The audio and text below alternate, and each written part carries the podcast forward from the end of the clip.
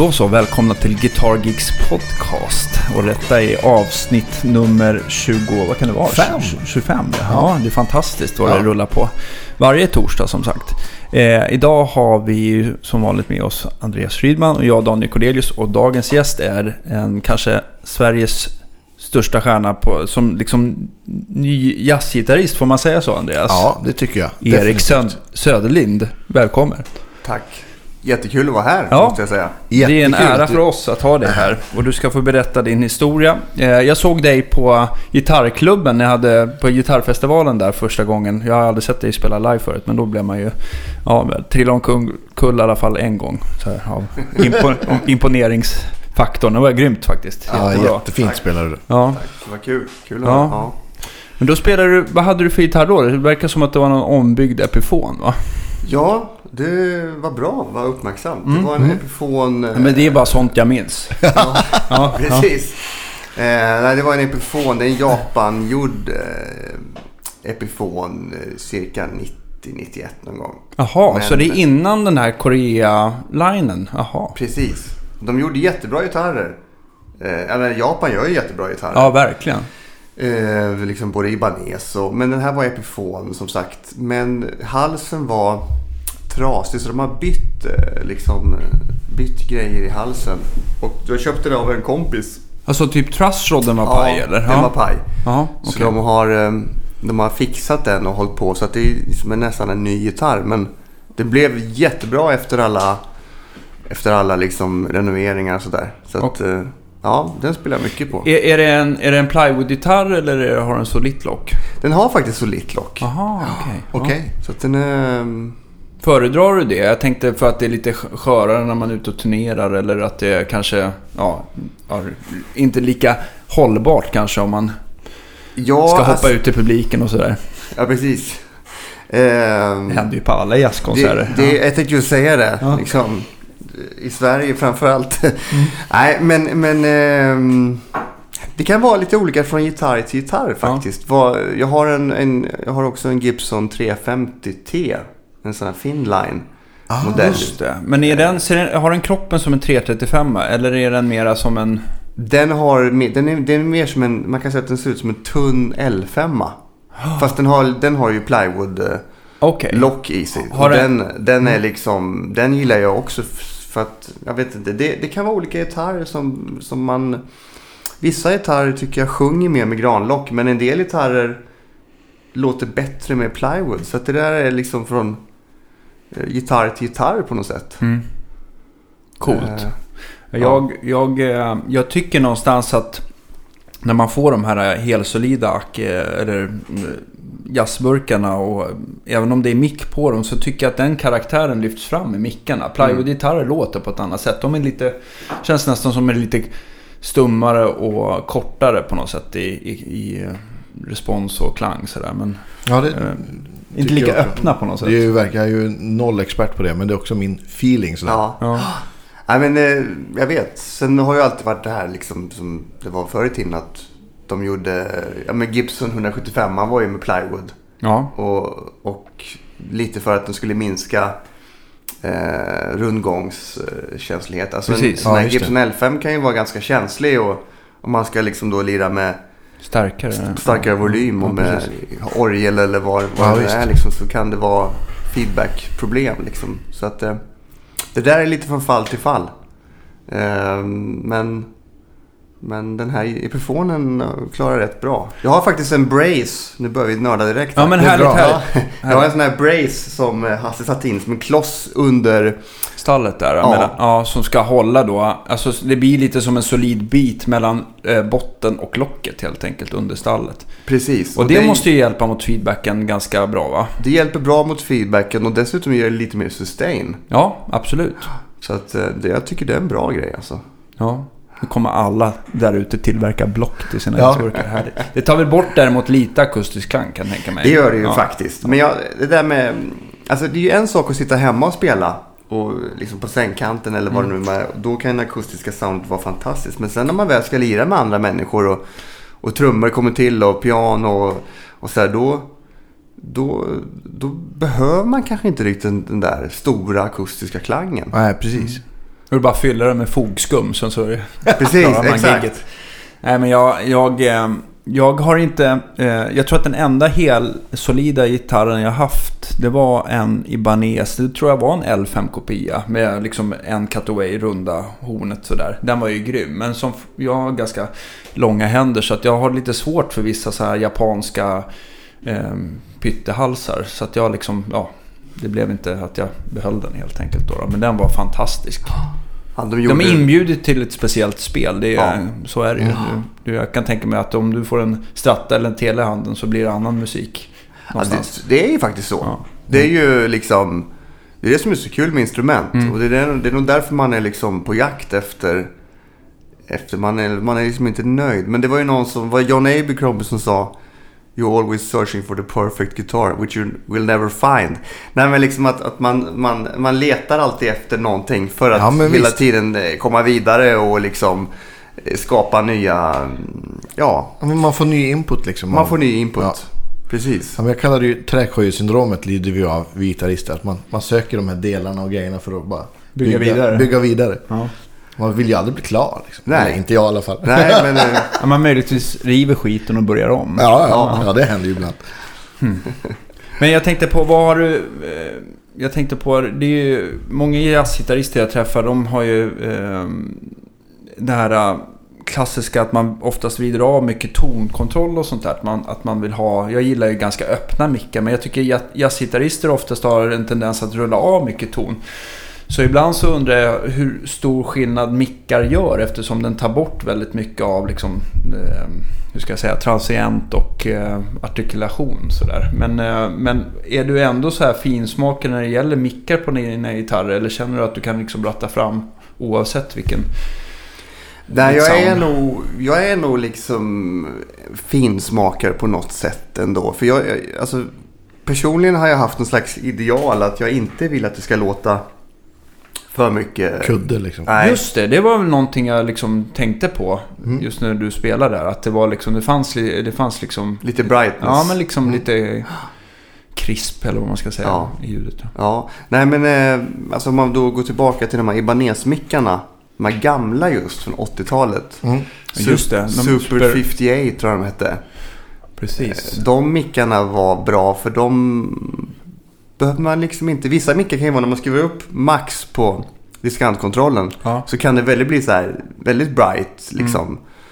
Eh, Men, men eh, de där mickarna var inte lika brighta minns jag. Och ganska bra output i. Mhm. Eh, sen gamla Gibson Puff-mickar har ju någon slags skön värme. Och de låter ju bra oavsett, eh, alltså de här riktigt gamla Ja. mickarna. Så att jag, eh, det är något med nya mickar jag har inte varit, de flesta nya mickar jag har köpt tycker jag inte har någon personlighet eller värme.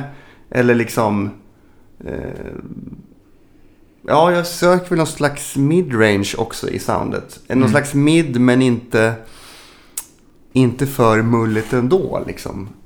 Eh, Det ska vara rätt mid. Mid är ju ganska, det är ganska brett begrepp också. Ja. Det kan ju vara den här lågmidden som gör att det blir mycket kropp i ljudet. Högmidden som gör att det blir liksom tränger igenom och ja, allt däremellan. Eller, så att det är för, mycket eller för lite av någonting, det saknar man ju absolut. Ja, men det här hö- högmiddet är ju, är ju bra tycker jag när man spelar med andra människor. Att, eller det, Ja, men precis. det, måste, det måste liksom nå ut på något sätt. sådär. Ja. Men jag försöker väl att ha någon blandning där mellan alltså, jättediskant och, och, eller jätteluddigt. För blir det för luddigt då blir det, liksom, då blir det så instängt. Mm.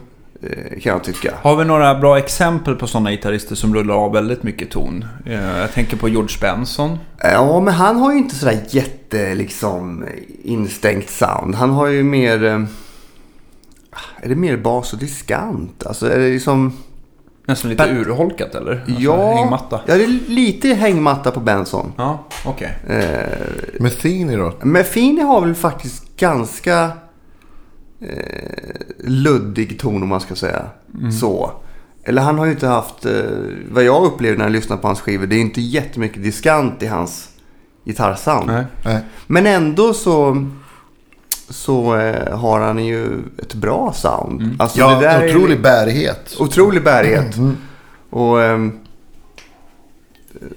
ja, han har ju, vad jag har hört, och, hört så har han en ganska skön liksom miljon, miljonkronors utrustning med sig på turnéerna. Och liksom 12 monitorer och folk som bär. Alltså Ja. när han är ute och lirar. Alltså det, det är väldigt eh, Han är väldigt känslig för det perfekta soundet Ja. på scen. Precis, jag tror han har även mickar inuti gitarren som han bländar och, och liksom, eh, eh, ja, så att det, Jo, men han har, jag har sett honom ett par gånger. Han har ju, och då har han allt, i alla fall, nu var det kanske fem år sedan, men då hade han samma setup som han hade ja, men tio år innan det. Liksom. Och det är han har nog någon så här 15 tums högtalare. Så de står också alltid utplacerat på ett speciellt sätt. Och så tror jag att han har delayat mellan högtalarna. Så att det, det låter säkert väldigt stort. Absolut. Och, och han spelar tydligen väldigt starkt också. Ja. Jo, det gör han ju. Liksom, ja. Men har han, har han någon... eh, Är det en helakustisk gitarr eller vad använder han? Brukar han... Eller kör han fotskum? kör väl- PL400? Ja, jag vet inte. 4000. Han, det är väl en Ibanez, han har någon signaturmodell. ja, han har ju signaturmodell i Banes. Just det, det är den som har den lilla över cutawayen Mm, också, precis. eller hur? Ja, precis. Jag tror ja. han har till och med olika Ibanez-modeller. Den med två och sen en som, som ska vara en, en slags modell efter hans Gibson 175. Just det. Som de gjorde i Japan en gång under 90-talet. De hade väl varit på honom ett tag, vad jag förstår. Och, Ja. och sådär. Så att eh, till slut gick han med på att bli Ibanez sponsorkille. Jag måste fråga, hur, hur gled du in på jazz i början där? Var det liksom...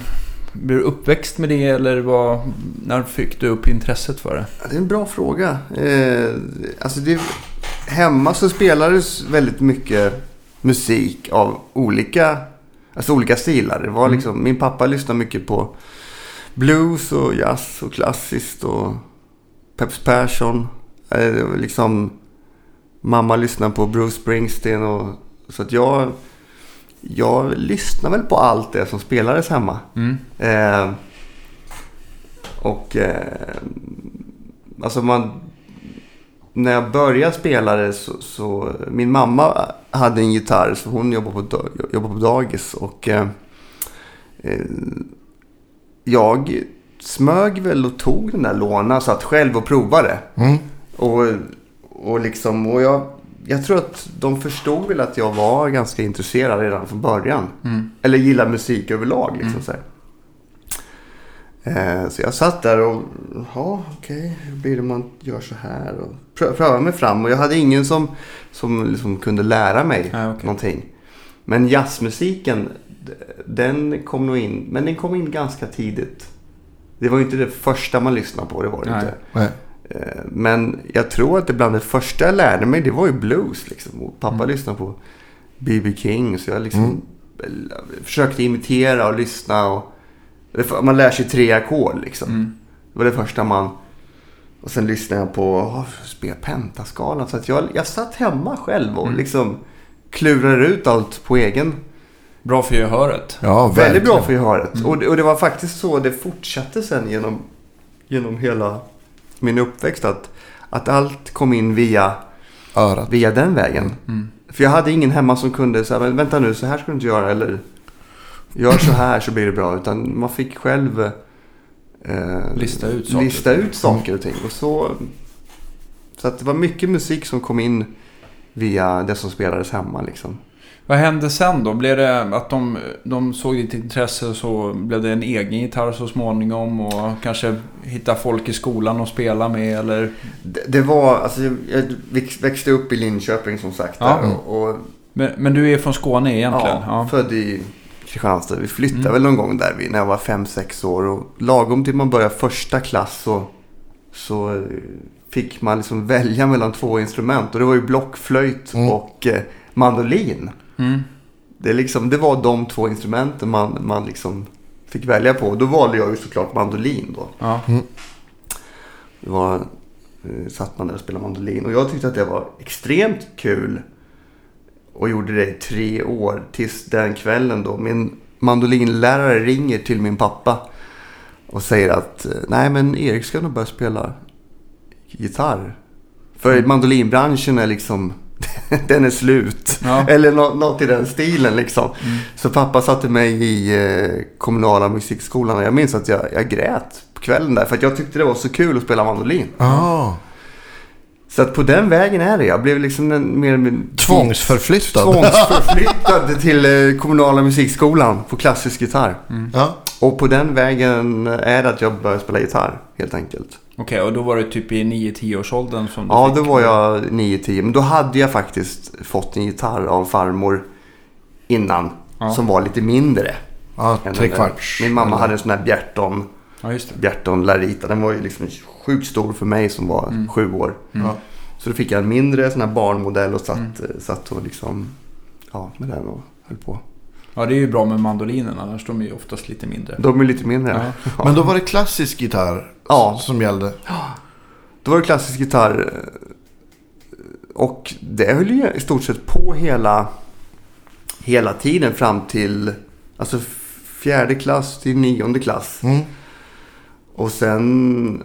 eh, Men parallellt där så kunde inte jag släppa eh, den andra musiken. Eh, då hade jag redan börjat nosa upp. Och jag minns att, jag, att vi hade sån här klassisk gitarrorkester. Jag vet inte om ni gjort Ja, sånt ja, ja, på gymnasiet hade vi det. Ja. Ja.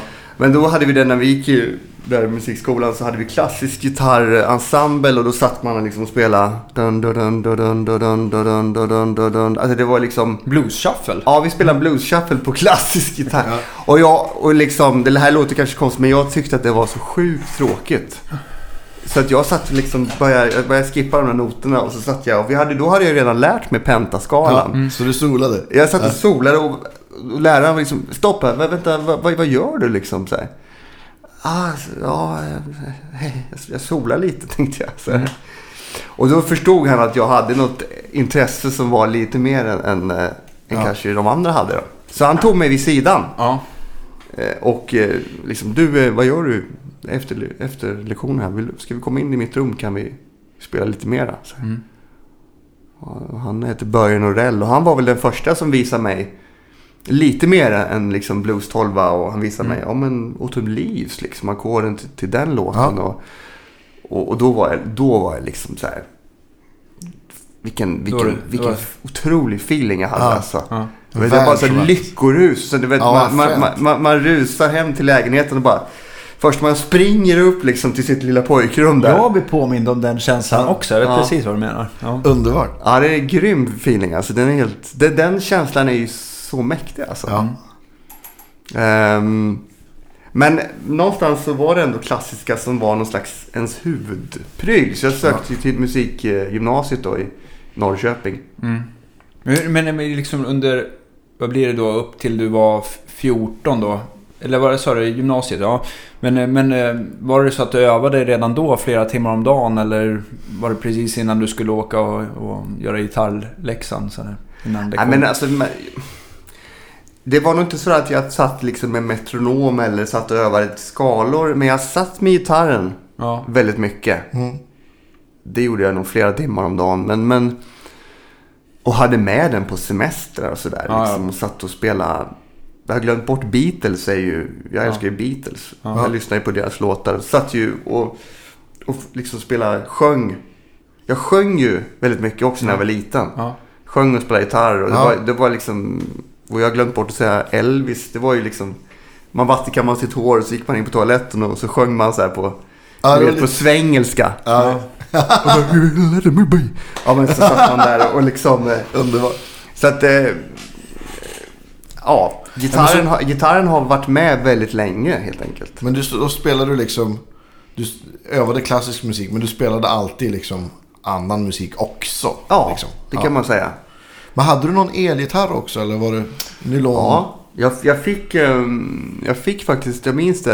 Jag tänkte på det när jag skulle- var på vägen hit. Att Ja. Jag måste minnas de här gurorna nu. Och det var en Washburn eh, 80-talare. Gjord i Japan. Jag minns det stod så här Made in Japan. Ja. Mm. Den, den var jättebra. Jag var kan bra. tänka mig det. Mm. En bra gitarr liksom. Som jag sålde sen vid några ögon, du vet. Men eh, den hade jag. Hade Jag jag tänker så här Washburn 80, alltså de såg de ut. Jag kan tänka mig så här 70-talarna, de var väl lite så här Ibanez eh, Gibson-anda ändå. Men sen så kom ju det här att de skulle haka på det här Floyd Rose-tåget. Jag Precis. vet inte hur din gitarr såg ut i och för sig. Men Den var så här bl- blå, liksom. Det såg ut som en hårdrocksgura. okej, okej. Eh, Med så här blå... eh, Metallic eller? Ja, lite den Ja, känslan. just det. Blå metallic feeling. Hockeyklubb Eh. eller? Ja. Ja. Ehm, så den spelade jag blues på. Liksom. Ja. Fint. Ja. Hade någon Fender-förstärkare. Jag minns inte vad det var. Men det var nog inget. eh, Det var nog inget liksom så här. Det var inte den dyraste Fender. Utan Nej. Det lät. det lät liksom. Ja. Coolt. Men sen blev det musikgymnasium då. Ja, Och så är det precis. Norrköping. Norrköping. Ja. Grannbyn. Ja, så kan man säga. Det fanns inget riktigt ställe i Linköping. Alltså det fanns ingen sån utpräglad musiklinje Nej. i Linköping. Så då fick man söka sig dit. Och, eh, och man har väl... Jag minns ju när jag... När pappa körde iväg mig. Mm. Eh, För då, jag var väl ändå inne på att ah, men jag kanske, ska, kanske inte ska göra det här. Jag, Mm. Du vet hur man kan vara i den åldern. Att Mm. man, man vågar kanske inte riktigt. eller... Men han tyckte liksom, ah, men nu åker vi dit och så, så får du väl bestämma sen. Mm. Åkte dit, sökte. Visste att jag spelade här Villa Lobos Mm. klassisk gitarr eh, etyd. Och eh, Kommer du ihåg vad du spelade? ja, det var den så här Villa Lobos, vad hette den? Jag, kommer inte, jag minns inte vad. Men Villa Lobos. Ja. Ganska så här liksom seriöst. Jag höll ju på att öva på det här stycket i hundra år liksom. Mm. Mm. Eh, kom in och sen, eh, sen, var, sen var jag fast. Jag minns att den här känslan när man träffar andra likasinnande. Ja, visst. Du vet, som man bara, som, som är lika nördiga som en själv. Som bara tycker det är kul att träffas och sitta och spela Ja, men, Och, eller hur? och då blir man ju inte den där liksom outsidern längre. Utan då kommer man in i ett sammanhang. Och, Mm. och eh, det är en grym feeling. Det kommer jag också ihåg. Första dagen på musikgymnasiet. Och då hade jag liksom...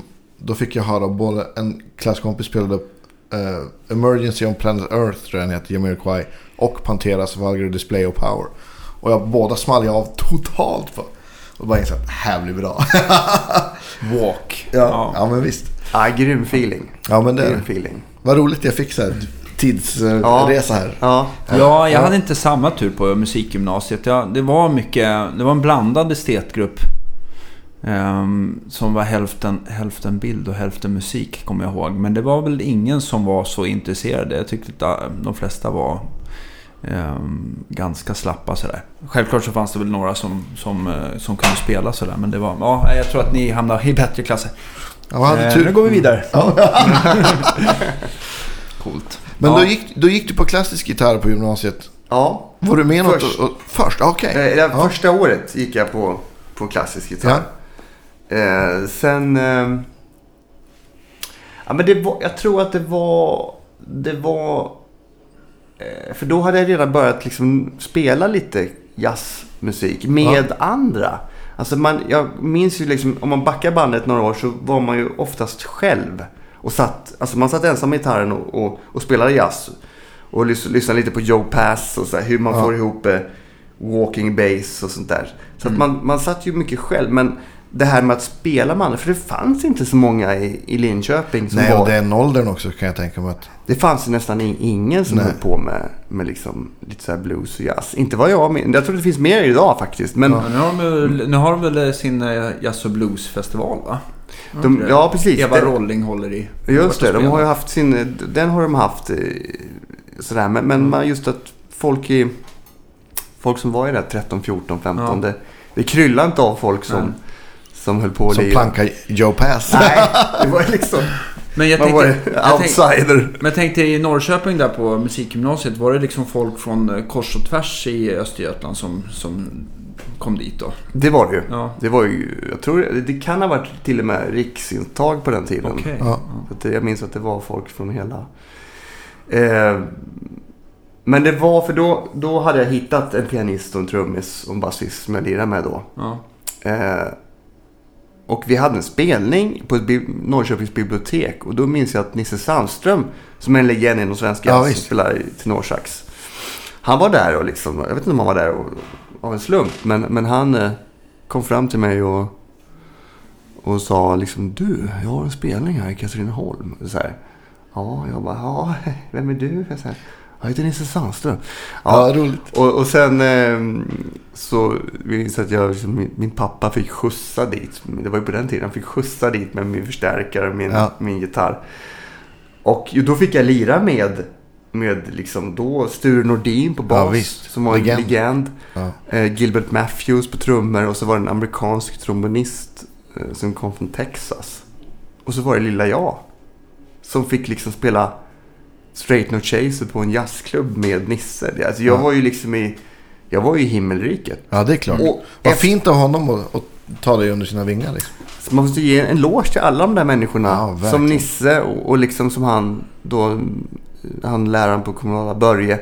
Ja. Alltså alla de där som liksom ser saker i en och, Mm. och liksom utan dem så, du vet. Ja. Men, men ehm, i alla fall då, då, då var det så här, nej nu, nu, nu, nu ska jag satsa på att spela jazz och blues och alltså sådär. Mm. Eh, då kände jag att nu är tiden i övningsrummet att vara ensam och öva på klassiska stycken.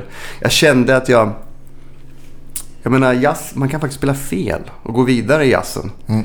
Det, är liksom, det är inte riktigt så med klassisk musik. Jag känner det, det är så... Det är väldigt vackert men jag hade liksom inte passionen att sitta i, i tre veckor med ett stycke. Och, Nej. utan det, det, fan, det var andra grejer som, som jag torskar mer på. Liksom. Jo, men just det här att vara på ett, ett jam till exempel eller spela blues som jag har gjort väldigt mycket. Det är att man, är, man, är, man skapar någonting här och nu och det blir olika Exakt. varje gång. Sådär. Eh, Fast man har Ja. ju liksom en ganska, inte så avancerad formel att luta sig tillbaka. Nej men precis. Är det, jag menar, man kan faktiskt liksom... Med den musikformen så kan man ju åka runt hela världen Mm. och spela eh, utan att egentligen kunna prata eh, alltså, samma språk. Det, och det är faktiskt Ja. Mm. ganska häftigt om man tänker på det. Man kan åka till Kina och, och damma av några evergreens Ja, med någon Ja. utan att man egentligen kan säga hej. Liksom. Det är ganska coolt. Men ni kan spela Autumn Leaves ihop. Ja, ja, men, ja, men liksom det är ju faktiskt mäktigt. Jag såg du var i Brasilien här innan jul. Mm. Vi har ju försökt få ihop en tid och, och göra en podd med er, men du är ju så busy. Och, ja, så att vi har ju liksom inte lyckats. Alltså, men då, då, då skulle du precis åka till Brasilien. Då blev jag nyfiken. Vad, vad gjorde du där? Var det något speciellt projekt eller? Ja, det var via en basist som heter Ruben Farias. Okej. Som eh, flyttade till Stockholm för ett år sedan. Mm. Eh, och eh, vi träffades på Fasching. Mm. Av en, eh, av en slump kan man säga. Jag spelade där med min trio. Mm. På, och då så var det jam efteråt. Mm. Då var han där och då jammade vi lite grann och sen så... Ja, du vet som det är. Hey man, I want to take you to Brazil. Och, ja, ja, visst. Liksom. Vi hörs då. Ja, vi, vi hörs om det liksom. men men, men eh, det blev faktiskt av alltså. Mm. Det blev av. Och eh, efter alla papper och stämplar och apostiljar och allt man skulle hålla på med innan man skulle åka dit. Mm. När vi väl var klara och man satt på flyget så... Jag ska till Brasilien. Shit, jag ska Ja. till Brasilien. Och då visste vi att vi skulle spela med, med Lenny Andrade som är en jättestor artist och Flavio Venturini och det var liksom... Vi spelade med en trummis som, som hette han nu igen. Ja, men, men i alla fall. Eh, han har sytt ihop massa, massa gigs och Ja. en lång turné. Och så det var bara så här... Ja, grymt. Fantastiskt. Ja, fantastiskt. Ja. Hur, hur var den brasilianska jazzscenen? Jag, jag kan tänka mig att det är väldigt mycket folk som bor där så att det kommer folk som är intresserade ändå. Men, men eh, det blir svårt att jämföra med den svenska jazzscenen. Men, men jag kan tänka mig att du åker dit och har lite förutfattade meningar eller vet inte vad du ska vänta dig. Blev du liksom eh, förvånad över att det var mycket bättre eller, eller sämre än vad du hade trott? Eller hur?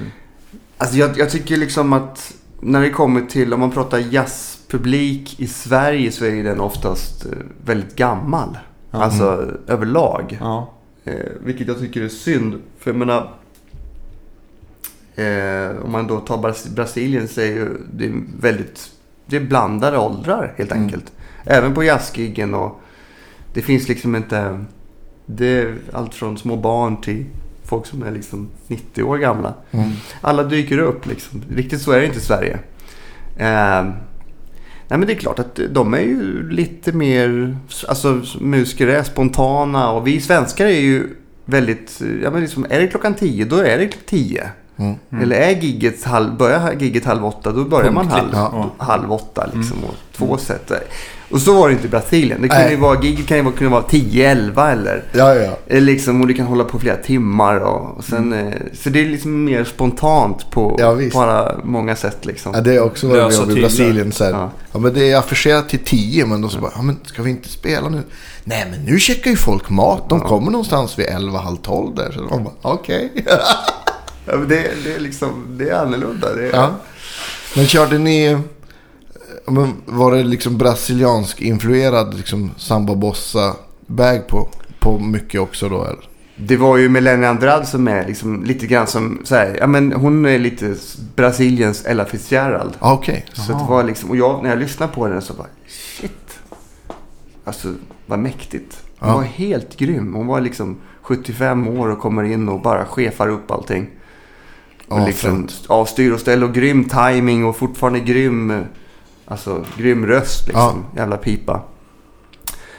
Eh, och då var det ju liksom brasiliansk musik, alltså väldigt, men väldigt jazzorienterad. Mm. Men det är ju lite skillnad ändå med deras rytmer och Ja men visst. det blir liksom på riktigt på något sätt. Och man, man får verkligen lyssna in och lära sig under, under stundens gång.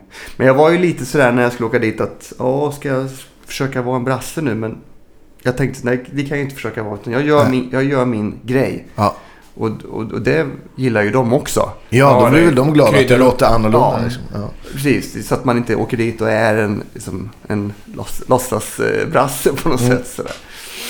Men det var kul. Det, var, det, var, alltså det är ju alltid roligt att, att, få, att få komma till olika platser. Ja, men ni vet ju själva när man är Mm. musiker. Man får ju vara på udda ställen. ja visst. Som man aldrig skulle åkt till. Eh, om man liksom skulle välja att åka någonstans. Så skulle Ja. man kanske inte åkt till Macau. Liksom, det har varit Nej. spelat. Ja, men, här, eller hur? Casino, så här, låtsas Las Vegas. Ja. Dit skulle man ju inte åka om man inte... Eller jag skulle inte göra det. Nej, nej, men så är det ju. Hur, hur länge varade vistelsen i Brasilien? var där en månad. Ja. Hur många gigs hann du med? Vi hann med eh, cirka 10 gig. Ja. Ja. Eh, så Lite sol och bad. Lite Sista samba. dagarna var det sol och bad. Det Mm. var ju liksom... Som svensk i november så, så Ja, är det ju ganska underbart. skönt att hinna med lite Ja. sol och bad också. Mm. Vad hade du med för gitarr dit? Jag hade med en Epiphone. Ja, Eh, inte den som jag hade på, men en annan Epiphone som... Eh, ja, som man, man gråter liksom inte sönder sig om det skulle hända något med. Nej.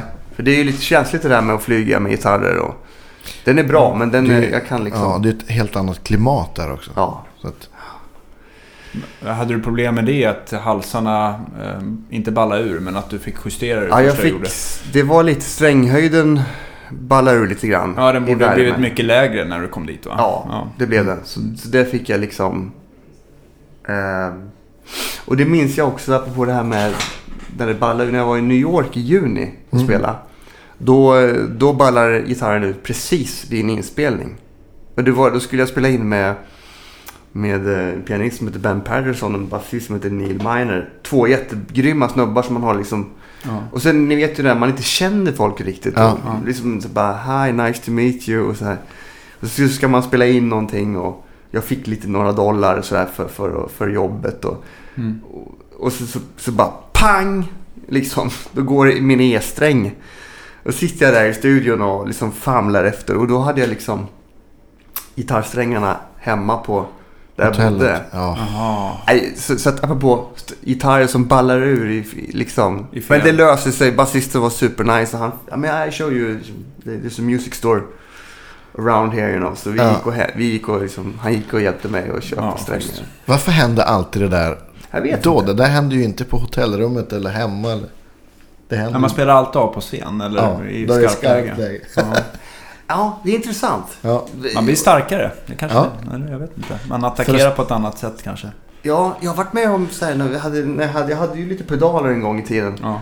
Eh, här som att det börjat glappa plötsligt. Man Mm. hade varit, liksom inte upplevt någon som helst förvarning om att ja, men det här funkar väl hur bra som helst. Sen när det väl har varit gig så har det glappat. Ja, ja, visst. Har ni, ni, Ja, ja. Definitivt. Hämt. Eh, om man bygger, jag tycker det är sen man har fått bra pedalbord byggda åt den eller att man har liksom lagt manken till själv så har det problemen upphört. Men ofta så här eh, om man har kört mycket så här lödfria kontakter typ George L och, och, eh, och framförallt inte haft ett riktigt pedalbord utan man har kopplat ihop allting kanske under stress mm. innan gig och sådär så, så kommer det som ett brev på posten ibland att det strular liksom. Tickande bomb. Ja, det är intressant. Ja, ja att, det. Men nu har jag klarat mig ganska bra. Ja, men det är samma här. Ta i trä, måste ta något här. Ja. men, men eh, om, man, om man fortsätter din, eh, din resa så här. Och, du började spela med Nisse där i, i gymnasiet och, och sen blev det någon folkis och grejer sen eller vart tog du vägen? Blev ju folkis. Eh, minns ju att man, som, som man gör i den åldern, man, man gör någon sån här skola, man söker olika skolor liksom. Ja. Och jag vet att jag sökte Skur, nej, Fridhem sökte jag och jag sökte Stockholm och, och Göteborg och Ingesund. Och på något sätt så i den åldern så har man ju någon slags, då i alla fall att man, nej, jag ska, det ska, det ska nå Stockholm eller någonting. Så mm. det, mm. det var det enda som existerade, att man skulle ta sig in på en, på en skola liksom. Mm. Och så när man, där i Norrköping så var man nog ganska, alltså man var nog liksom, man, man, man trodde att man själv var ganska bra. Man gick runt i manchesterkavaj och hade paket Marlboro. Ja. Och, och, tyckte att man var liksom i stort sett klar som mm. jazzgitarrist eller, mm. eller som gitarrist. Men det var man ju inte riktigt. Är det man, inte man, ganska typiskt för den åldern också? Så här, sena tonåren. Jo, jo, det är det. Men jag vet att jag blev så nedslående. Jag kom väl reserv på musikhögskolan då och jag var helt knäckt. Va? Mm. Och... Kände du att du ändå hade gjort ditt bästa vid... Vid, sökningen? Ja. Eller... Ja, alltså på något sätt så är man ju nervös i sådana situationer och man kanske inte... Man spelar ju inte sitt bästa säkert när man är sådär uppe i varv och... Men, eh, men i alla fall, jag kom i alla fall in på Ingesund. Ja. Mm. Och eh, det var ju skönt. Jag hade en lärare som hette Göran Klinghagen. Ja. Som eh, var grymt inspirerande och han, mm. han liksom, han sa bara, men nu, nu Erik, nu övar du här och lägger fokus på ett år och bara sitt, öva, öva, ja. utvecklas och spela med folk. Och, sen så ska du försöka ta det härifrån, sa han. Ja. och det, ja, det gjorde jag. Då kom jag faktiskt in på, på Akis och mm. kom in i Malmö och sådär. Så att, eh, då valde jag Akis. Mm. Mm. Eh, och eh, alltså det här om man backar bandet, att jag är ju självlärd. Mm jag är liksom på något sätt autodidakt. Jag kunde mm. ju redan spela ackord och sådär, men jag visste inte vad de hette. Nej. Så att när jag, när jag liksom, och på något sätt, de lärarna jag haft hittills, de lät mig liksom köra på den linjen. Mm. Mm. Så när jag, när jag kom in på, på Akis så, så blev det liksom ett ganska stort bakslag för, för mig. För att jag, när man är 21 år eller så, vad man nu var, så, så, så så blir man liksom lite osäker när man hamnar i den sämsta gehörsgruppen eller den sämsta teorigruppen. Ja, eller man säga den lägsta nivån om man säger så. Ja. Eh, för att hela en spel byggde på gehör och så, så satt man i med några som kanske inte... Ja, du vet sådär, var väldigt... Så, man, så det blev så konstigt, så det blev, det, blev en, det, blev, det blev lite märkligt för mig att gå musikhögskolan. Jag skulle nog Eh, så jag fick ju liksom underkänt i gitarr och sådär. Ja, det är helt Jäklar. fantastiskt. Det är faktiskt Fan, sant. Konst, vad, konstigt att, vad konstigt att det är, man får underkänt för att det liksom är så här, att det är... Um, åh, det känns så jäkla fyrkantigt när du säger ja. sådär. Alltså att det ska, ja du måste kunna teorin annars kan du ju inte spela. Eller typ så. Nej de sa ju, du, du, du kan ju allt. Eller de sa inte så här, men de sa du kan ju spela allt det här och det låter rätt. Och, men du kan inte sätta riktigt namnen på vad det är du gör. Liksom, jag kunde inte alltid säga, ja det här är Mixolydi sänk 2, sänk 6 i sjätte. Nej. Jag kunde inte sätta namnen på det. Men jag kunde mm. säkert lira det på något sätt så att det mm. lät likadant. Men, mm. Men jag, så det, det, det, var liksom... Eh, jag och musikhögskolor, det, det har ett knippe... Det är något speciellt sådär. Men det är roligt när man... När men man, gick du klart? Ja, jag tog väl ett sabbatsår kan man väl säga. Ja. Eh, och sen så kom jag inte tillbaka. Nej. Eh, och ett det långt var sabbatsår? Ett långt, eh, ja. ett rejält.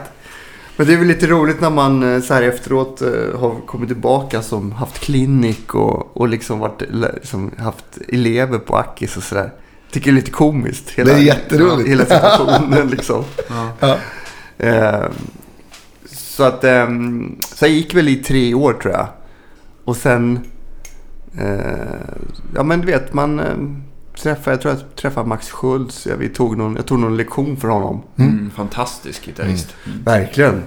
Och, och eh, via honom så, så, så fick jag träffa andra musiker och vi började faktiskt lira ihop då. Liksom. Jag såg ju på Mosebacke. På Ja. en brunch tror jag. Kan det stämma? Ja, det kan nog stämma. Eh, så att, eh, det, och då minns jag att det, det blev liksom, det var lite förlösande på något sätt. Och, och, och eh, komma utanför skolans väggar och, och komma ut och lira och träffa musiker. Och, Verkligheten. verkligheten helt enkelt. Mm. Och det fick jag tillbaka den här feelingen som jag hade innan jag började musikhögskolan. Mm. Lite grann. Eh, så att, eh, ja, via honom så träffade jag massa andra musiker. Och sen har det väl liksom rullat på mer och mer. Du har Alltså, egentligen varit ja. heltidsmusiker sedan dess. Eller, Ja, eller har alltså- du haft extra knäck vid sidan om för att klara dig? Eller har du liksom har du gått på en lite Ja, alltså jag... Precis, rosenblad? Rosenblad. Nej, det har, ja, det har varit en riktig sån räkmacka hela vägen. Nej, nej men, men, men, eh, men eh, jag har väl haft två jobb. Jag har haft fyra veckors jobb på ett vårdhem i, gymna- Mm. i gymnasiet och sen fyra veckor på ICA. Mm. Det är där jag jobbat. That's it. Ja. Ja. Ja. Och om man backar bandet så började jag spela på Linköpings gator och torg när jag var 10-11 år. Nej, vad med, med, med en dragspelare. Ja. Mm. Stod kompa så här boom tjack, boom tjack liksom. Mm. Och, och ehm, när jag tänker på det nu så drog vi in rejält mycket stålar alltså när jag Ja. tänker på det. Vi kunde få liksom 800-900 spänn var. Ja. Och stå liksom i två timmar på en lördag. Fan, det är mycket pengar när man är i den åldern. När man är i Ja, den åldern. Så jag köpte ju allt. Alltså mina föräldrar behövde aldrig liksom. Jag köpte min tv, jag köpte cyklar, jag köpte radiostyrda bilar. Modelljärnväg. Alltså du vet. Så att det här med att man har spelat hela livet, det har man nästan gjort alltså. Mm. När jag tänker på det så, så man var igång tidigt Ja. på något sätt. Liksom. Nej, men det är ju liksom, jag tycker det, det är den, helt, den bästa, helt klart den bästa skolan. Och spela mycket, det finns ju inget som utvecklar en så mycket, tycker jag personligen. Nej. Alltså öva, öva måste man göra och, och, liksom, och det gör jag fortfarande. Men, men det som jag fortfarande idag tycker ger mest, det är ju mötet med andra musiker. Mm. Det är ju så. Eh, för det är en sak att, att sitta och, och öva. Men man måste ju få in det i ett sammanhang. Ja, Och liksom... Jag håller helt med dig. Det är, Men jag, jag tycker också att det...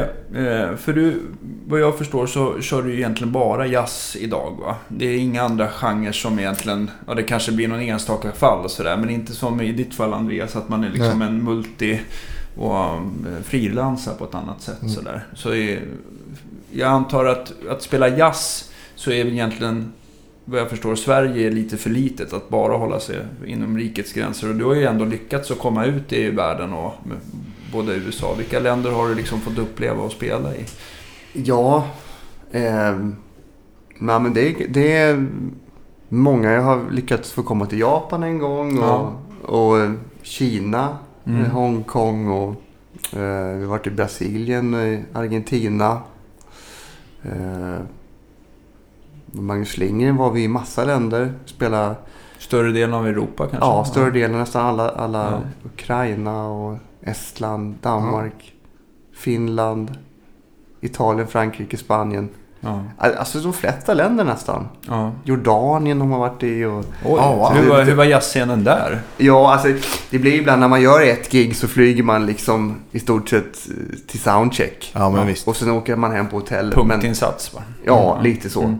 Men eh, när vi spelade med Magnus så var det nästan att vi spelade nästan som rockgig. Alltså, det var ju unga som stod och liksom dansade till när vi spelade. Ja, vad fränt. Ja. liksom, det var lite brasiliansk eh, funk, om man ska Ja, säga. det just var det. Magnum, Coltrane Price, som Ja, spelade bas. Ja. Mm. Så det var nästan mer som rockgig än Mm. jazzgig. Eh, vilket var grymt kul. Var det i Brasilien då? Nej, nej, då var vi liksom, med Magnus var vi mest, eller vi var ju ganska I Europa? överallt. Vi var i Argentina också, men vi var Okej. i många länder i Europa och sådär. Mm. Så att det är ju ja, det är fantastiskt att få, få komma till alla de här ställena. Mm. Eh, eh, för jazz, jazzdelen i Sverige, eller är ju ganska litet. Ja. Det är ju ett litet land. Ja, det är ett litet land. Ja. Sen har jag ha- haft, ja, men lite sådär, jag har ju spelat med lite, lite crossover. Menar, när jag spelar med Louise Hofsten så är det väl kanske inte bara jazz. Eller Men det är lite blues. eh, lite och bluesgrejer och lite... Rock kanske man. Ja, ja, eller liksom fast... någon På ditt slags- sätt. På mitt sätt. Ja. Eller med Lisa Nilsson så spelar vi, jag spelar ibland med henne. Och, Ja. och då är, så att jag har väl liksom tagit in mitt gitarrspel lite i andra sammanhang också. Okej, okej. Fast man har ju liksom gjort, vad ska jag säga, sin pryl. Ja. Man nu. Men man spelar ju lite olika. Om man spelar en Django-trio eller om man spelar med Louise Hofsten så är det... Så Ja, man riktar sitt spel på lite olika sätt liksom. Mm. Eh, ja. Django-trio. Har du en, Django är en av husgudarna kanske? Alltså just Django, vi har en sån här Django, alltså, Django, ja Django och sen liksom Wes Montgomery eller George Benson och Grant Ja. Green är väl de tre. Eller jag vet inte, det finns många mer, Joe Pass. Grant Green, nu börjar jag tänka på att liksom, eh, för han körde väl mycket med, eh, vad heter det storbandet som är typ mest känt i hela världen? Glenn Miller? Eller nej? Nej, vad fan körde han med? Du tänker på kanske på Freddie Green? Ja, Freddie, Freddie Green. Green, ja, ja, exakt. Ja, Så Bra är det när man inte är inbiten jazzkille. Blandar ihop äpplen och päron. ja nej, men, men Grant Green var ju, alltså, var ju ganska cool för han blandar ju rätt mycket med, han har ju rätt mycket sådär, spelar soul eller Mhm. R&B, alltså liksom lite åt det hållet. Han, det är många hiphopartister som har samplat Mm. Grant Green i sina, i sina, liksom, på sina plattor. Och han, han var ju lite så här, rörde sig lite i alla fall i olika Mm. Mm. eh, stilar och sådär. Ja, de andra gitarristerna som du har nämnt har inte jag lyssnat så här eh, jättemycket på. Men Django tycker jag, det är... Jag tycker, även om inte jag kan spela Django-gitarr så jag, jag uppskattar hans gitarrspel så mycket så Mm. att jag skulle nog säga att det är en av världshistoriens topp fem bästa gitarrister. Som har helt otroligt bra alltså. Och ja, vilken, alltså han satte ju i stort sett en helt ny stil. Ja, visst. Verkligen. Och, och gjorde det med två fingrar också. Ja. Och sen så tycker jag en annan, kanske inte hör till ämnet men eh, jag tror att han heter Stefan Grappelli. Han Ja, ja. eh, fiolspelaren. Ja, ja, jag visst. tror att jag aldrig hört någon fiolspelare som pitchar så bra som honom. Nej. Ja, alltså det är helt sjukt Ja. alltså. Du vet, man lyssnar på så här klassiska konserter så bara, nej men nu var det väl ändå inte riktigt. Men han, du vet, det är aldrig fel alltså. Men jag menar aldrig fel. Men, Alltså när du säger Stefan Grappelli så kommer jag att tänka Svängigt på... också. Mm. Ja, verkligen. Fantastisk. Jag kommer att tänka på, på en... Vi skulle resa till Arvidsjaur. Jag gick ju musikklasserna i Mm. Linköping. Mm. Och då hade jag ett kassettband. Liksom. Och jag var ju så här, man skämdes lite för att jag, jag hade liksom Stefan Grappelli och Barney Kessel. De hade gjort en, en platta ihop. Mm. Eh, och så hade jag Roxette på, på liksom framsidan så här. Så, så hade jag Roxette och så hade jag. Stefan Grappelli och Barney Kessel liksom på, på, du vet, på andra sidan.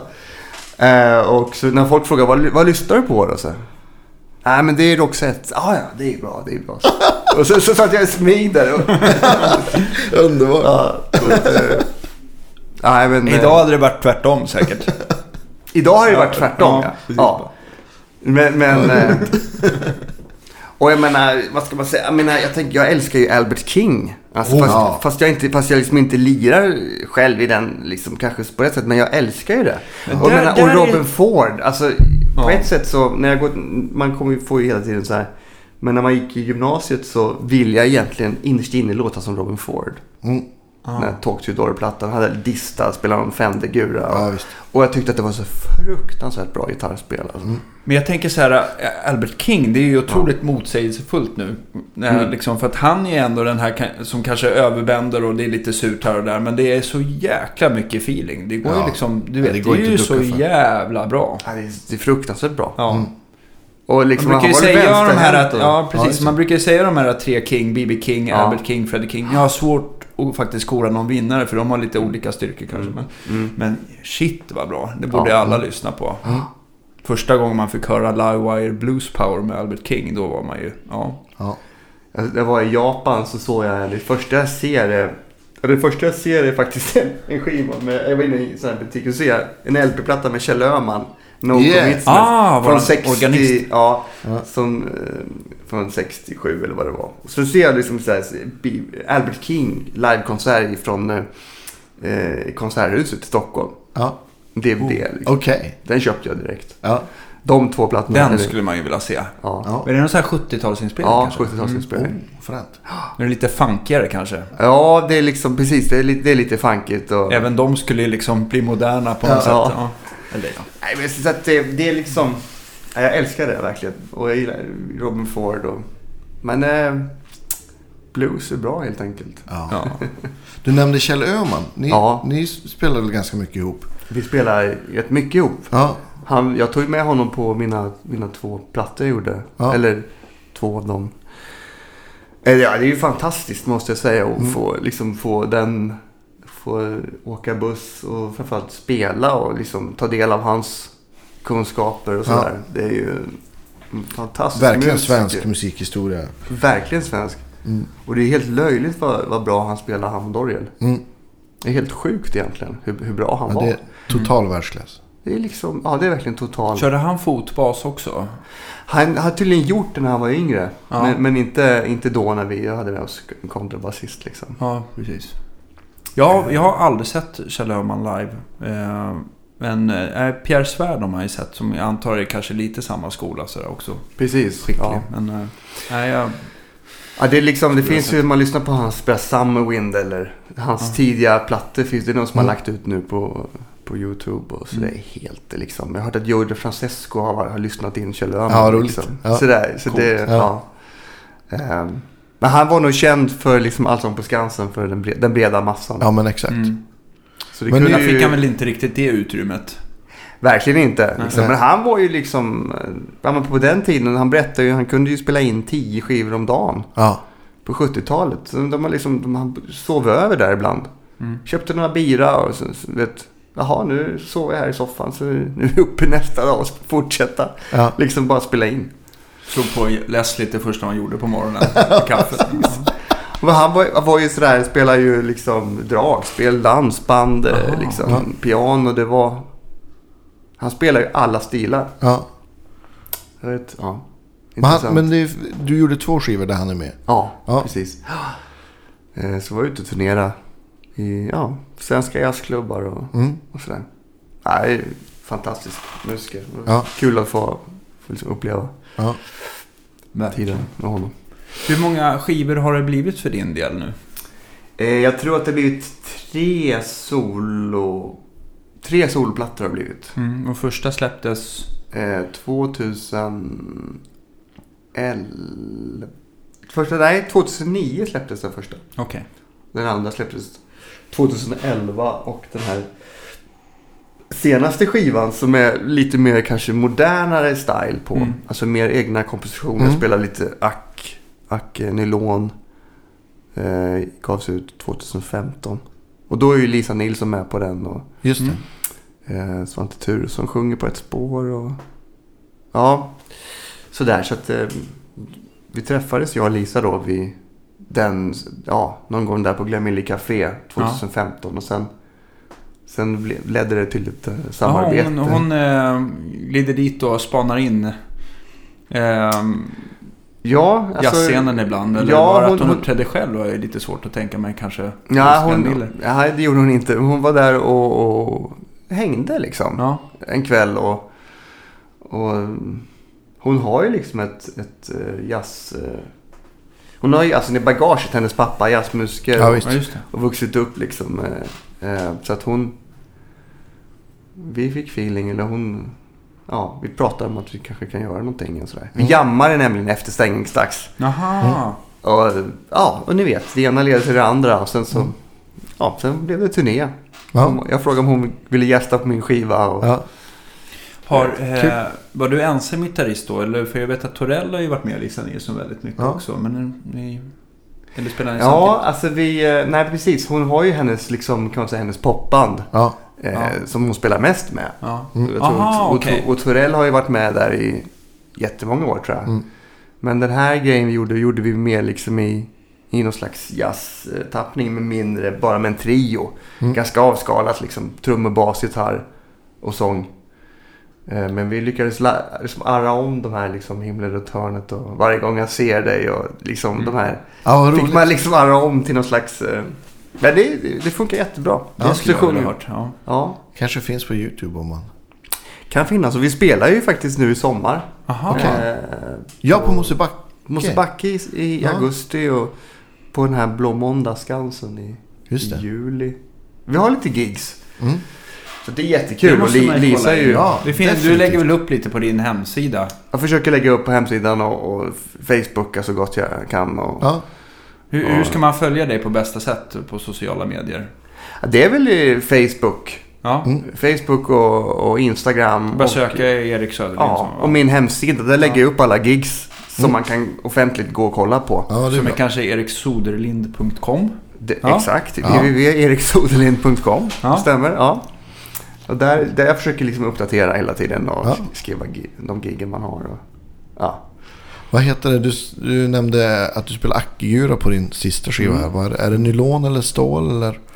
Det var nylon. Mm. Ehm, en- jag har en sån här gammal Takamine. 79 tror jag det är. Den är jättebra. En sån här, den är liksom Hirai, ska vara en finare modell. Mm. Japan eh, gjord. Eh, så den spelar jag på 6-7 låtar. Jag, det här är intressant. Jag tycker att det blir alltid ett så bra sound när man har en, en bra mick och en akustisk gitarr. Alltså det låter liksom direkt bra ut i, Mm. i högtalarna. Jag ty- det är svårare tycker jag att få till ett bra jazzgitarrsound liksom direkt. Alltså du tänker inspelning. micka upp stärkare och, och... ja, hela den biten.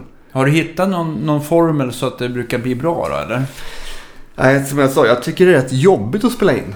Ja. Ja. Eh, Jag tycker det är, det är liksom, en del älskar ju det. Jag tycker, jag tycker tvärtom att det, det är liksom när väl röda lampan lyser och, och hörlurarna är på. Ja. Det, klockan är så här kvart över tio en måndag morgon och då ska man liksom leverera sitt, Det bästa. det bästa man kan eller, Ja. eller få till någon slags... För det har ju så mycket med liksom kemi och om man Ja, är bekväm med sitt sound liksom. Mm. Men det vet jag just, Pat Metheny som vi pratade om förut. Ja. Han gillar inte att spela in med hörlurar så han, han, han, liksom, han kan ju vara i vilken studio han vill. Liksom, han stor. Men han brukar ställa sitt eget rum och så har han monitorer. Så att han, för då känner han att det är mer som ett gig och så kan han liksom blåsa på lite volym och så. Koppla då får han av lite feeling. grann på något Ja, sätt, ja. För han gillar inte heller liksom... Nej. Jag kan förstå. Ja. Jag skulle nästan vilja göra, ha samma setup. Ja. Faktiskt. Eller spela i samma rum. Det har inte blivit så. Utan ni, är, ni försöker liksom skilja skiljeväggar eller olika rum med Alltså man, vi har ju... läckageproblem och sånt där. Ja. Det är ju liksom precis. Det är ju nackdelen att spela in i samma rum. Det är ju att om det är någon som spelar fel eller någon som kommer Mm. av sig eller... Då, ah okej. Då, liksom, då läcker det så det är svårt att laga. Mm. Men man kan ju också få den här kemin såklart. Liksom. Mm. Ehm, men eh, det är klart att eh, det är skönt om man kan ta en första tagning och sen gå vidare. Mm.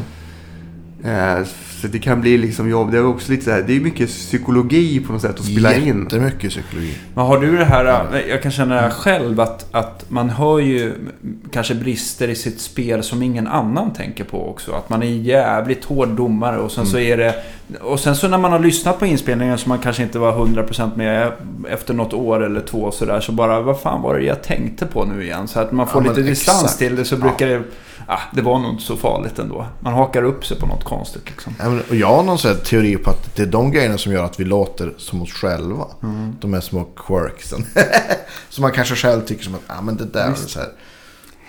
Eh, Jag verkligen eh, liksom känner igen mig i det ni säger. Men jag mer som båda.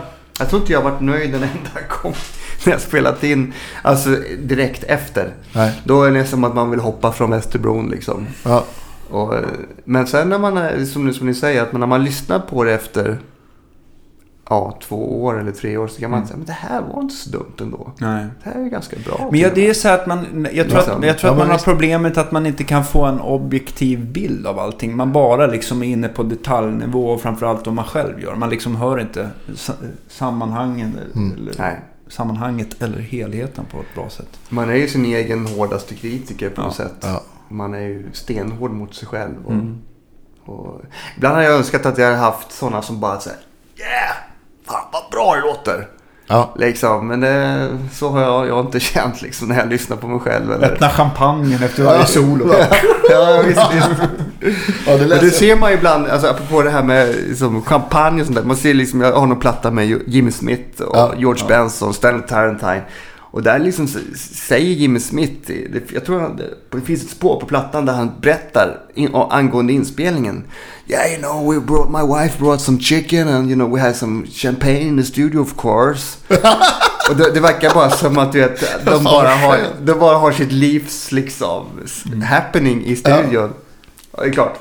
Det, det kanske de hade också. Ja. Det, jag önskar att ibland man kunde haft den liksom Ja. feelingen.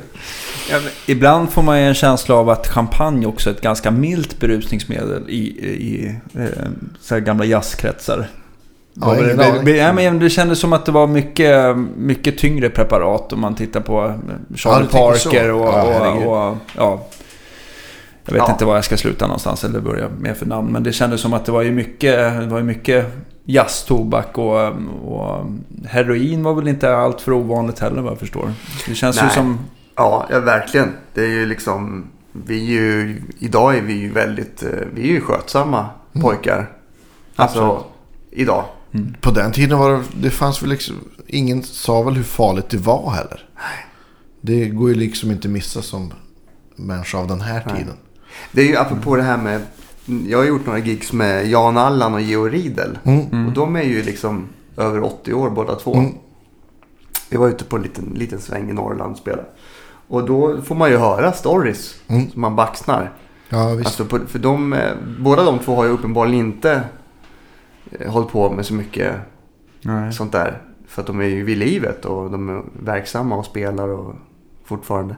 Men de berättar om sina polare och kollegor som... som Jag tänkte så här någon- Gullin eller någonting. Han var Ja, väl ganska... ja men Gullin var ju man. väldigt, väldigt... Eh, både, både liksom törstig på alla sätt. Men fantastiskt bra musiker. Sinnig- alltså det var ju så många... Varje gång. Man får ju höra sådana stories med sådana, just som Gullin och massa andra musiker som var så fantastiska. Men som gick bort, vet, alldeles för tidigt för att de, Mm. de visste inte vad de tog, tog för någonting. Så den, den tiden är ju vi, den är ju vi ganska beskonade ifrån. Idag ska Ja. man skicka faktura och liksom, du vet, Ja, sådär. Det, är- det är en annan tid nu liksom. Mm. ja. Men eh, ja. Det är som Ja. det Jag är fortfarande intresserad av lite av dina grejer där. Vi har ju gått igenom Ja. den här japanska eh, eh, epifonen och så, så hade du någon enklare epifon som du gärna tar med dig till Brasilien och en Takamin Ja. Nylon. Är, Ja. det, är det that's it eller har du mycket gitarrer i garderoben? Ja, jag har väl li- lite... Det är ju så här man skojar så att jag borde läm, lämna in mig själv på någon slags burk-rehab. Det har vi här på Guitar Geeks. ja, men jag har det. Nej. Jag kanske Ja, kan, vi- jag kanske vi- kan, kan liksom söka någon klinik direkt efter det här. Ja, precis. Här vi, vi, tyvärr, det brukar bli omvänd effekt när vi är klara med, med behandling. Ja. Nej, men, men, eh, nej, men jag har ju, jag har ju massa...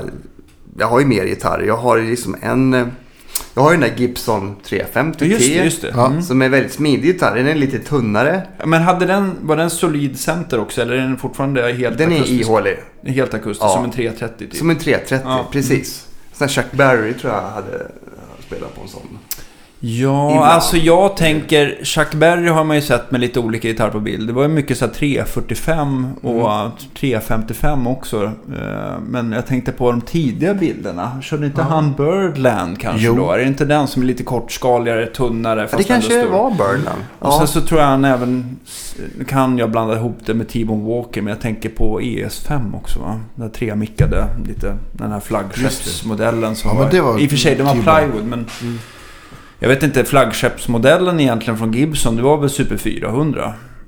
Som är Det var egentligen 18 tums... eh, Alltså man, med, när man pratar så här 16, 17, 18 tum pratar man, man lägger eh, vad bredden på, på kroppen är någonstans. Och den är, om man, för er som har Ja, jag provat Super något 4... Det, eh, ni som har provat Super 400, det är ju... Ja, man kan ju tänka att det liksom är väldigt skönt för axeln efter gigget liksom. Så här extremt stor gitarr. Ja, det är eh, precis. Flyga med en sån, det är en utmaning. Ja. För er som vill ha lite spänning i livet. Ja. Nej men eh, alltså. Jag har faktiskt också. Jag har en, apropå storgitarr, så har jag en sån här Levin Deluxe från 1945. Ah, Den är ju stor som ett... eh, ja, de är nog... Den, den är ju otro, otroligt stor. Ja, men det undrar om inte det är typ samma. Jag har för mig, de deluxe, när man, när man lägger och mäter på dem så har jag för mig att det skiljer sig lite från Gibson eftersom man går väl på ett centimetermått istället för tummått. Va? Men, men att den är i princip samma storlek. Ja. Och de är, det som är roligt med gamla Levin tycker jag att det är alltid helt, helt solitt. Man behöver liksom inte ens ifrågasätta om det är, om det är plywood eller inte. Utan det var alltid helt solitt. Fina gitarrer som, som ja, börjar liksom... Det börjar väl... Folk börjar väl bli Ja, lite mer intresserade av alltså, nu man- än vad det har varit någonsin tror jag. Nu vet jag inte exakt vad priserna står på den. Nu- är det naturfärgad eller sunburst du har. Den Sunburst. Och Ja. den är liksom faktiskt, den har inte ens en cutaway. Det är som en, som en, ja, Ah. det är som en akustisk gitarr bara. Ja, just det. Ja. Just det. Eh, jag har fått höra att de ska vara mera eftertraktade då, men, men eh, Ja, säkert, säkert. Det är ju alltid så här de som... Jag för mig just när det gäller deluxen att det gjordes fler naturfärgade. Men, men jag kan ha fel. ja. Men jag, jag, du får ju ändå tänka på... Nu vet inte jag vad du gav för den där. Men jag tror att en, en deluxe, de ligger väl ändå runt 30 i fint skick sådär. de, de ligger nog där alltså. Ja. Ja. Eh, Faktiskt. och jag tror att om du ska hitta en motsvarande gitarr, amerikansk gitarr. Ja. Alltså, nu vet inte jag vad man helst tittar efter. Men när man tittar på Gibson. Mm. Eh, det, det är Quisto eller någon av de där. Ja. Alltså man får ju lägga... Det är ju det är liksom... du- Dubbla pengarna räcker ju inte. Nej.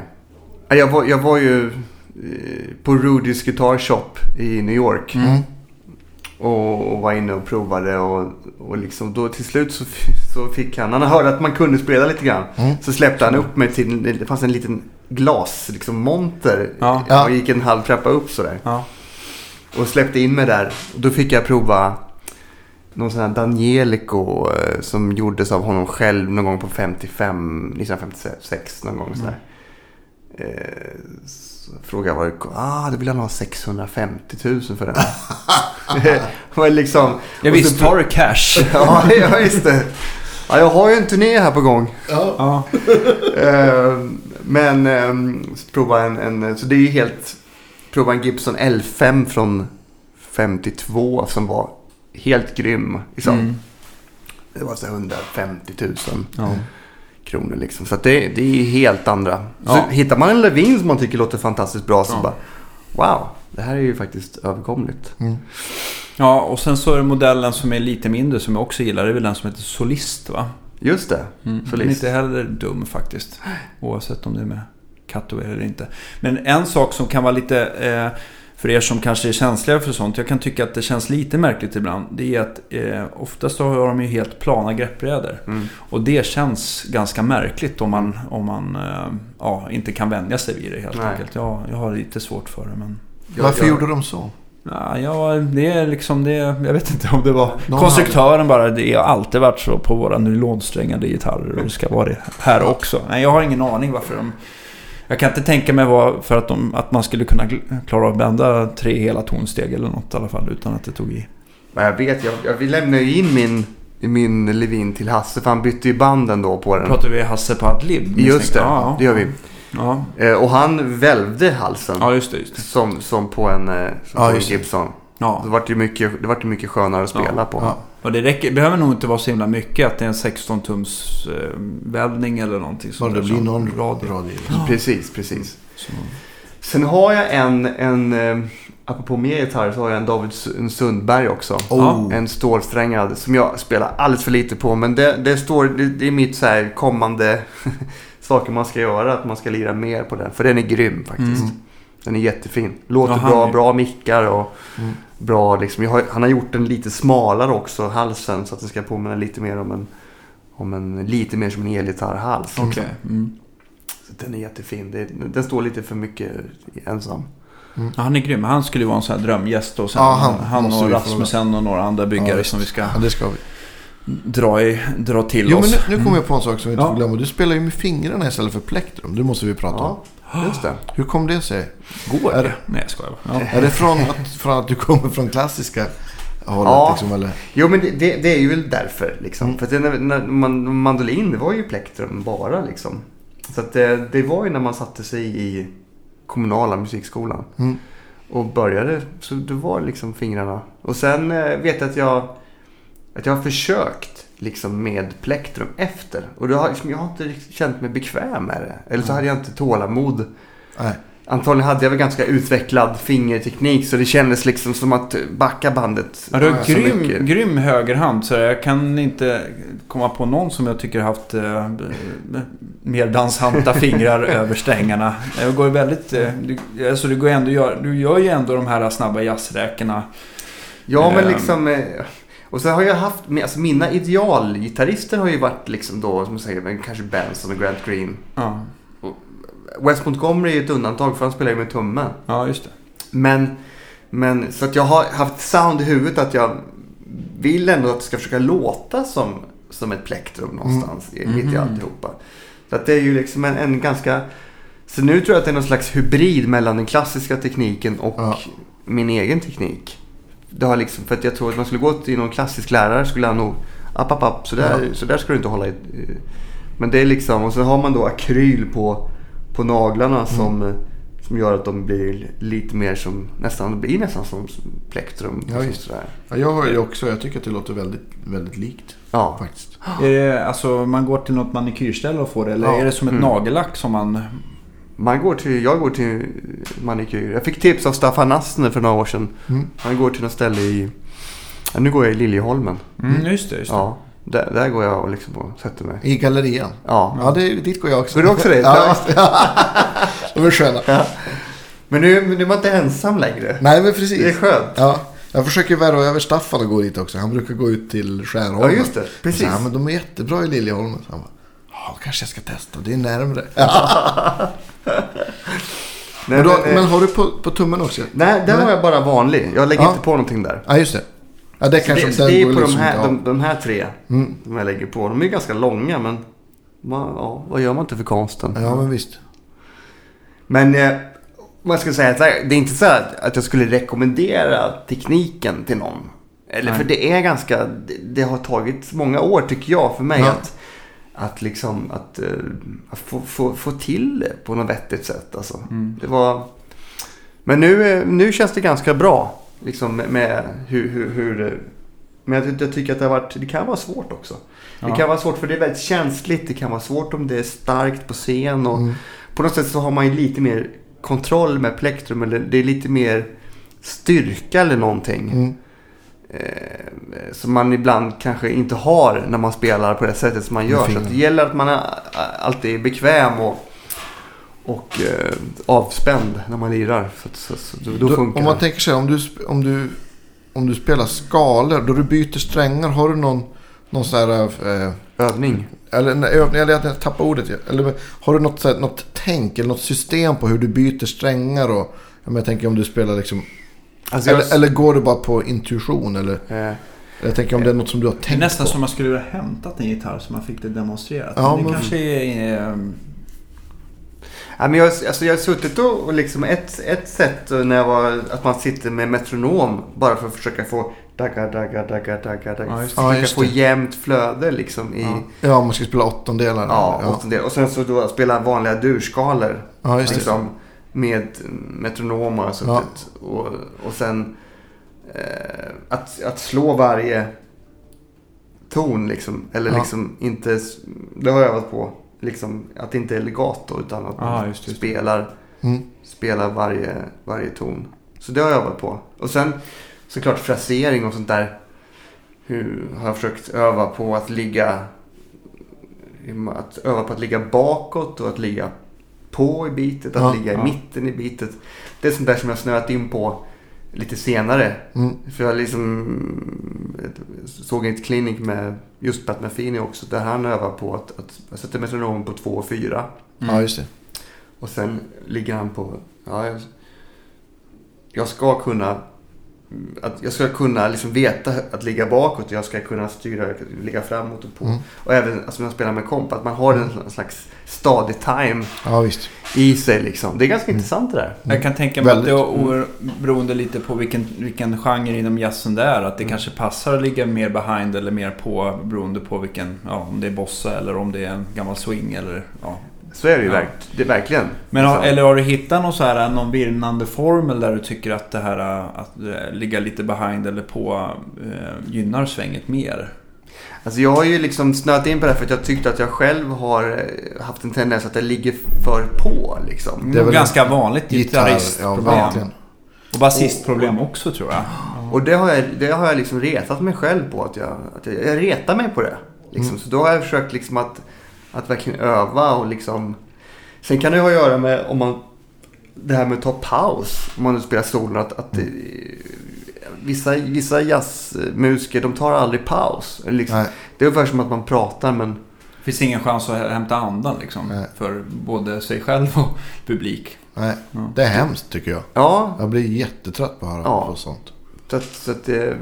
Ja. Kanske mer på gitarrister än på andra instrument. ja. Nej men det här med, ja, men jag tror det kan vara en liten gitarrsjuka. Att det, det är lätt att det bara liksom... ja, vi behöver ju inte andas. Nej, det, bara, sättet, liksom, ja. det bara går som en, som en eh, autopilot. Och det, det kan ju ha att göra med att man har tänkt det här med frasering och pauser och, Mm. och eh, liksom, ja. Det är viktigt i musik. Det är Mm. väldigt... Eh, Ja, förlåt, jag, jag tänkte jag hann inte med. Då, då du, du visade då du är över åttondel så spelar du med två fingrar. ja. Är det oftast två fingrar eller spelar du med, med ja tredje fingret nä, också? nästan, jag kör nästan bara två fingrar. Ja, Okej, Och sen när man kompar så har man den det tredje, tredje. också. Ja, just. Ja, jag fattar. Och, och tummen då såklart. Ja, såklart. Ja. Okej. Så men då du gör liksom, om du gör en löpning eller så då är det för det mesta två fingrar. Ja. Pek och lång. Ja, precis.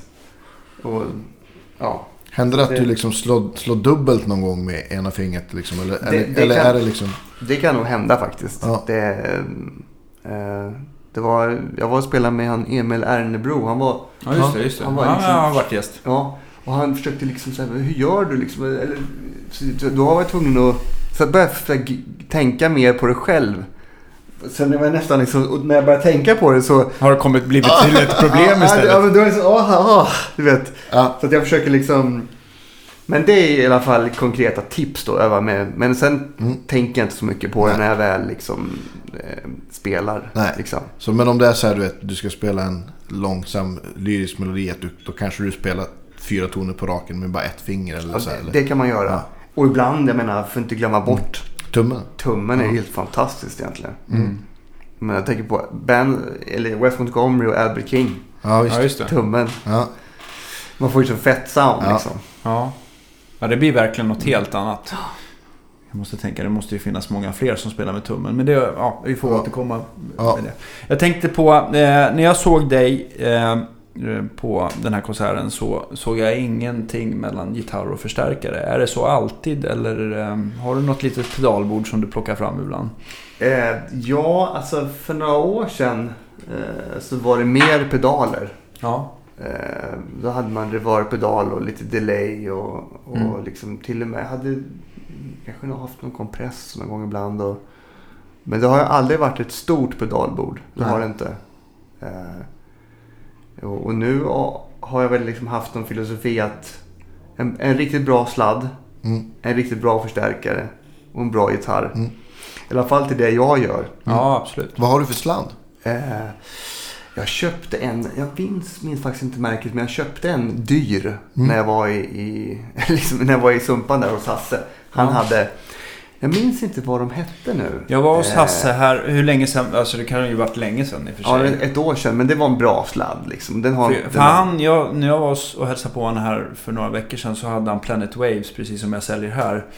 Eh, som jag tycker är grymma. Eh, men det kanske kunde ha varit Klotz det också. kan ha varit Planet Waves. När Ja, du de säger är det så låter det väldigt bekant. Sva, svarta kontakter. Ja, Ja, det, det var nog Planet Waves ja. ja de låter. Det, jag tycker att det är en, det är en kabel.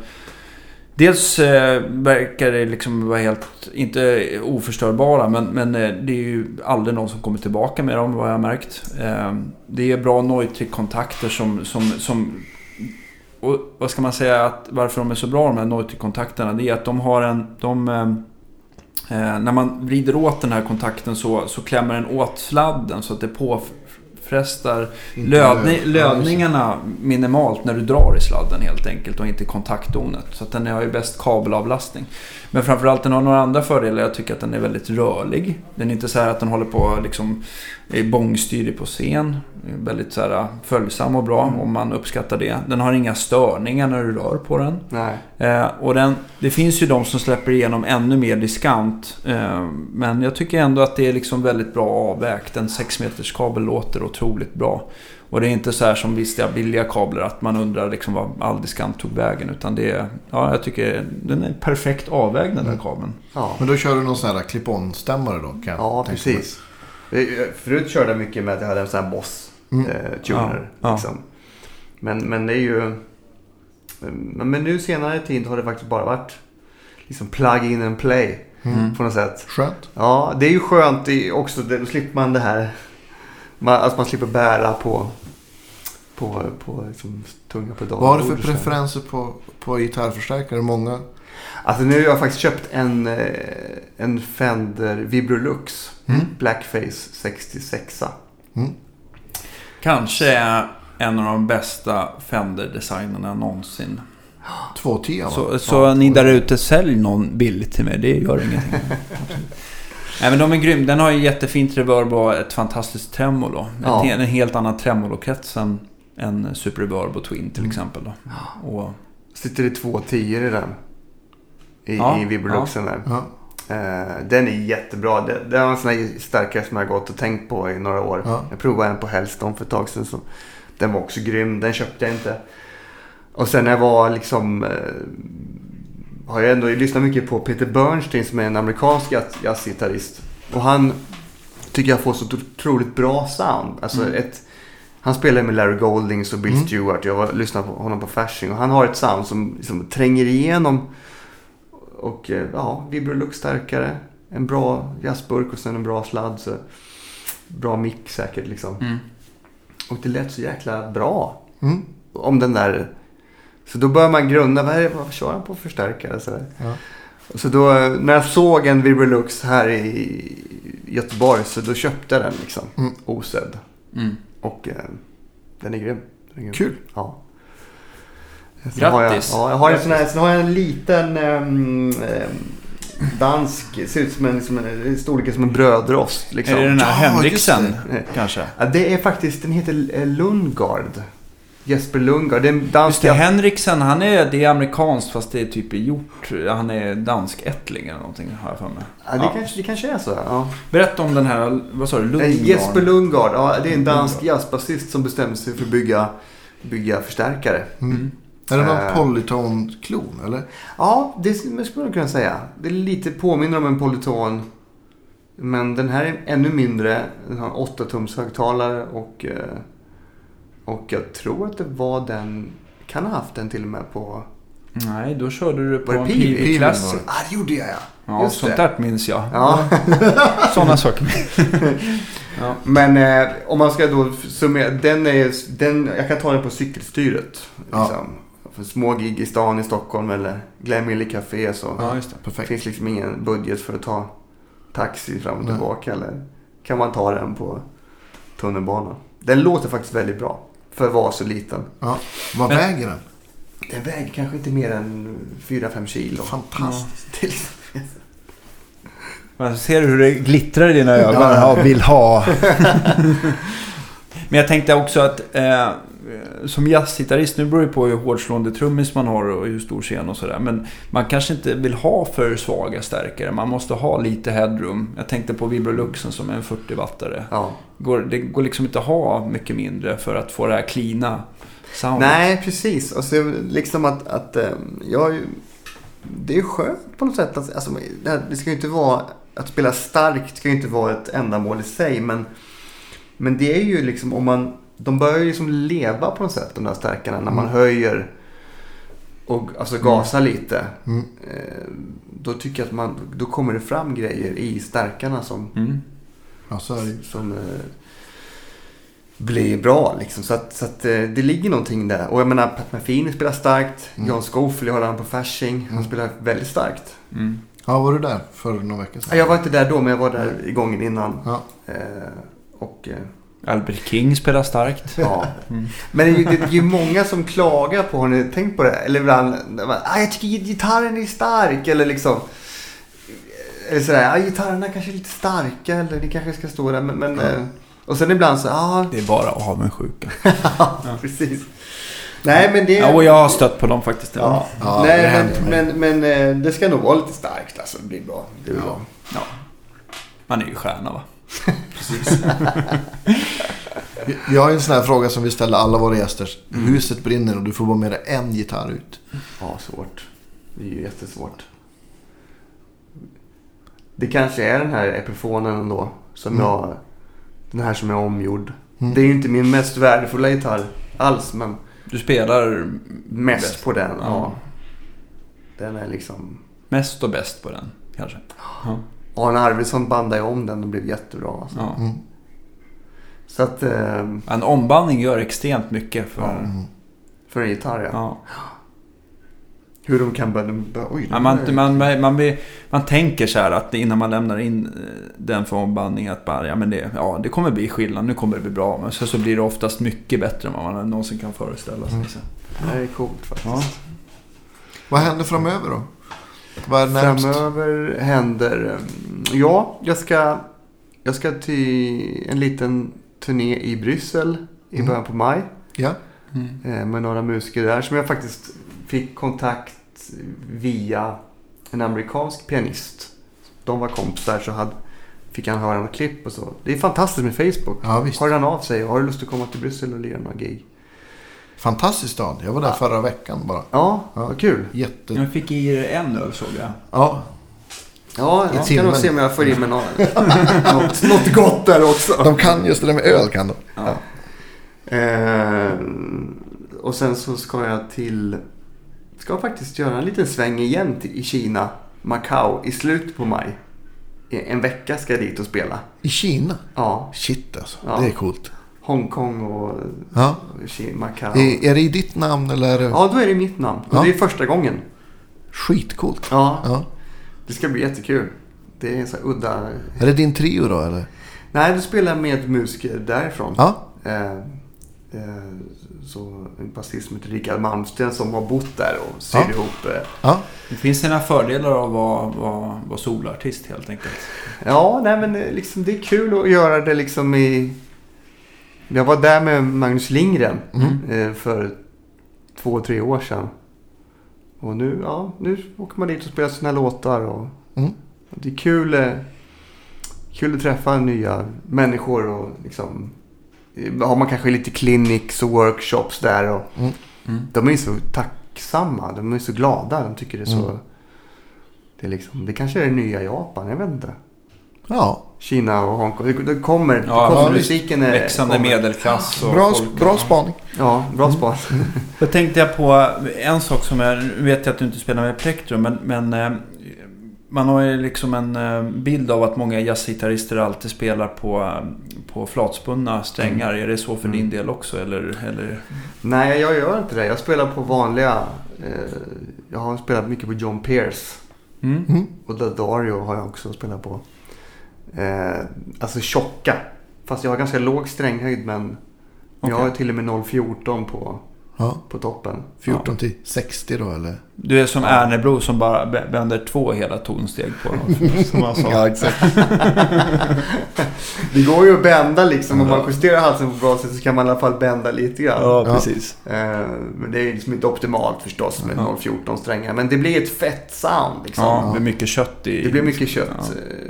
Ja. Eh, 14 och 17 och sen... Och sen E-strängen har jag ett 0,12 set. Alltså E och... E och A. Ja, E det och A, brukar vara D-strängen. 52 då. Ja, precis. Mm. Eh, så att eh, 14 och 17 brukar jag alltid ha på många Ja, gitarrer. just det. Ja, men det kan, jag kan, jag kan tycka att sådana heavy bottom set kan bli lite... Då tar det över volymmässigt kan jag tycka. Det blir så himla oigt om det, om det är för tjockt på basarna också tycker Ja, jag. Men, Faktiskt. men, men sen så är det spunnen eller ospunnen G. Spunnen. Spunnen. Är det, Mm. ja. Där tycker jag också, där om man kör, eh, även om det är bättre att bända en Mm. ospunnen eh, G. ja. Så tycker jag om man kommer uppåt eh, 0,20 och uppåt. Jag tycker då börjar det inte låta bra längre. Det, Nej, det blir tycker så jäkla plå, alltså met, inte metalliskt. Ja, men det blir som att, att strängen inte riktigt skakar igång. Är Nej. min feeling på för tjocka plain strängar liksom. Nej. Ja, jag, kan tycka, jag förstår vad du menar med att köttigheten från 014 och 17 där på I och B. Men, men just när det är för tjocka ospunna G. Det också tar det över. Liksom, den blir ofta så jäkla volymstark Ja. jämfört med D-strängen också. Så, Precis. Ja. Jag har tänkt på också, men, mina gitarrer att oftast B-strängen låter rätt mycket. ja, men det är ju så att Okej. Och Självklart så gör ju linningen på, på, på strängen, det, jag ska inte säga att den är omagnetisk för det är den ju. Men, men oftast är det det micken läser av är ju kärnan på strängen. Och oftast är diametern på din eh, G-sträng i det här fallet tunnare Ja. än B-strängen. Så att det, är, det är därför det blir sån, det är därför det blir sån volymsträng, eh, alltså volymskillnad eh, i plugget. Har man Jag lärt sig något alltid, idag? liksom, ja, brukar alltid få skruva ner ibland. Den polen ja. Ja. Men är det handbacker så är det svårt att komma bort från det ändå. Mm. Alltså hade det varit en single coil med, med sänkbara poler då hade ju effekten blivit större. Men eftersom du har två spolar som tar upp ljudet så visst det går att kompensera. Men det blir inte riktigt fullt så dramatiskt som det kanske blir på en single coil. Aha, Mm. spännande. Jag har till och med gjort så på folk som har haft problem så på eh, eh, G-strängen på en stratta till exempel. Där Ja. kan man ju faktiskt, om man är lite försiktig så går det faktiskt att trycka ner G-polen lite grann. Den brukar ju vara lite stark. Så, till exempel som Lindy Frailin och det finns ju andra tillverkare som. Lundgren till exempel som, som på vissa sätt liksom har lite lägre G-pol bara för att man kör väldigt sällan med, med lindad G-sträng idag. Men ja, Intressant. det var det Ja, om det. Lär man Ja. sig någonting. Ja, eh, ja, verkligen. extra. Coolt. Jaha, eh, klockan är slagen för att öppna butiken. Vi tackar dig Erik för att du har kommit hit. Ja, och, stort eh, tack. Berättat om dig Jättekul. själv. Ja. Tack, tack att jag fick hoppas komma. att vi ses snart igen. Ja, Ja, absolut. nästa vecka Nästa vecka. är vi tillbaka. Ja, men vi, eh, Ja. vi har det så bra allesammans så hörs vi.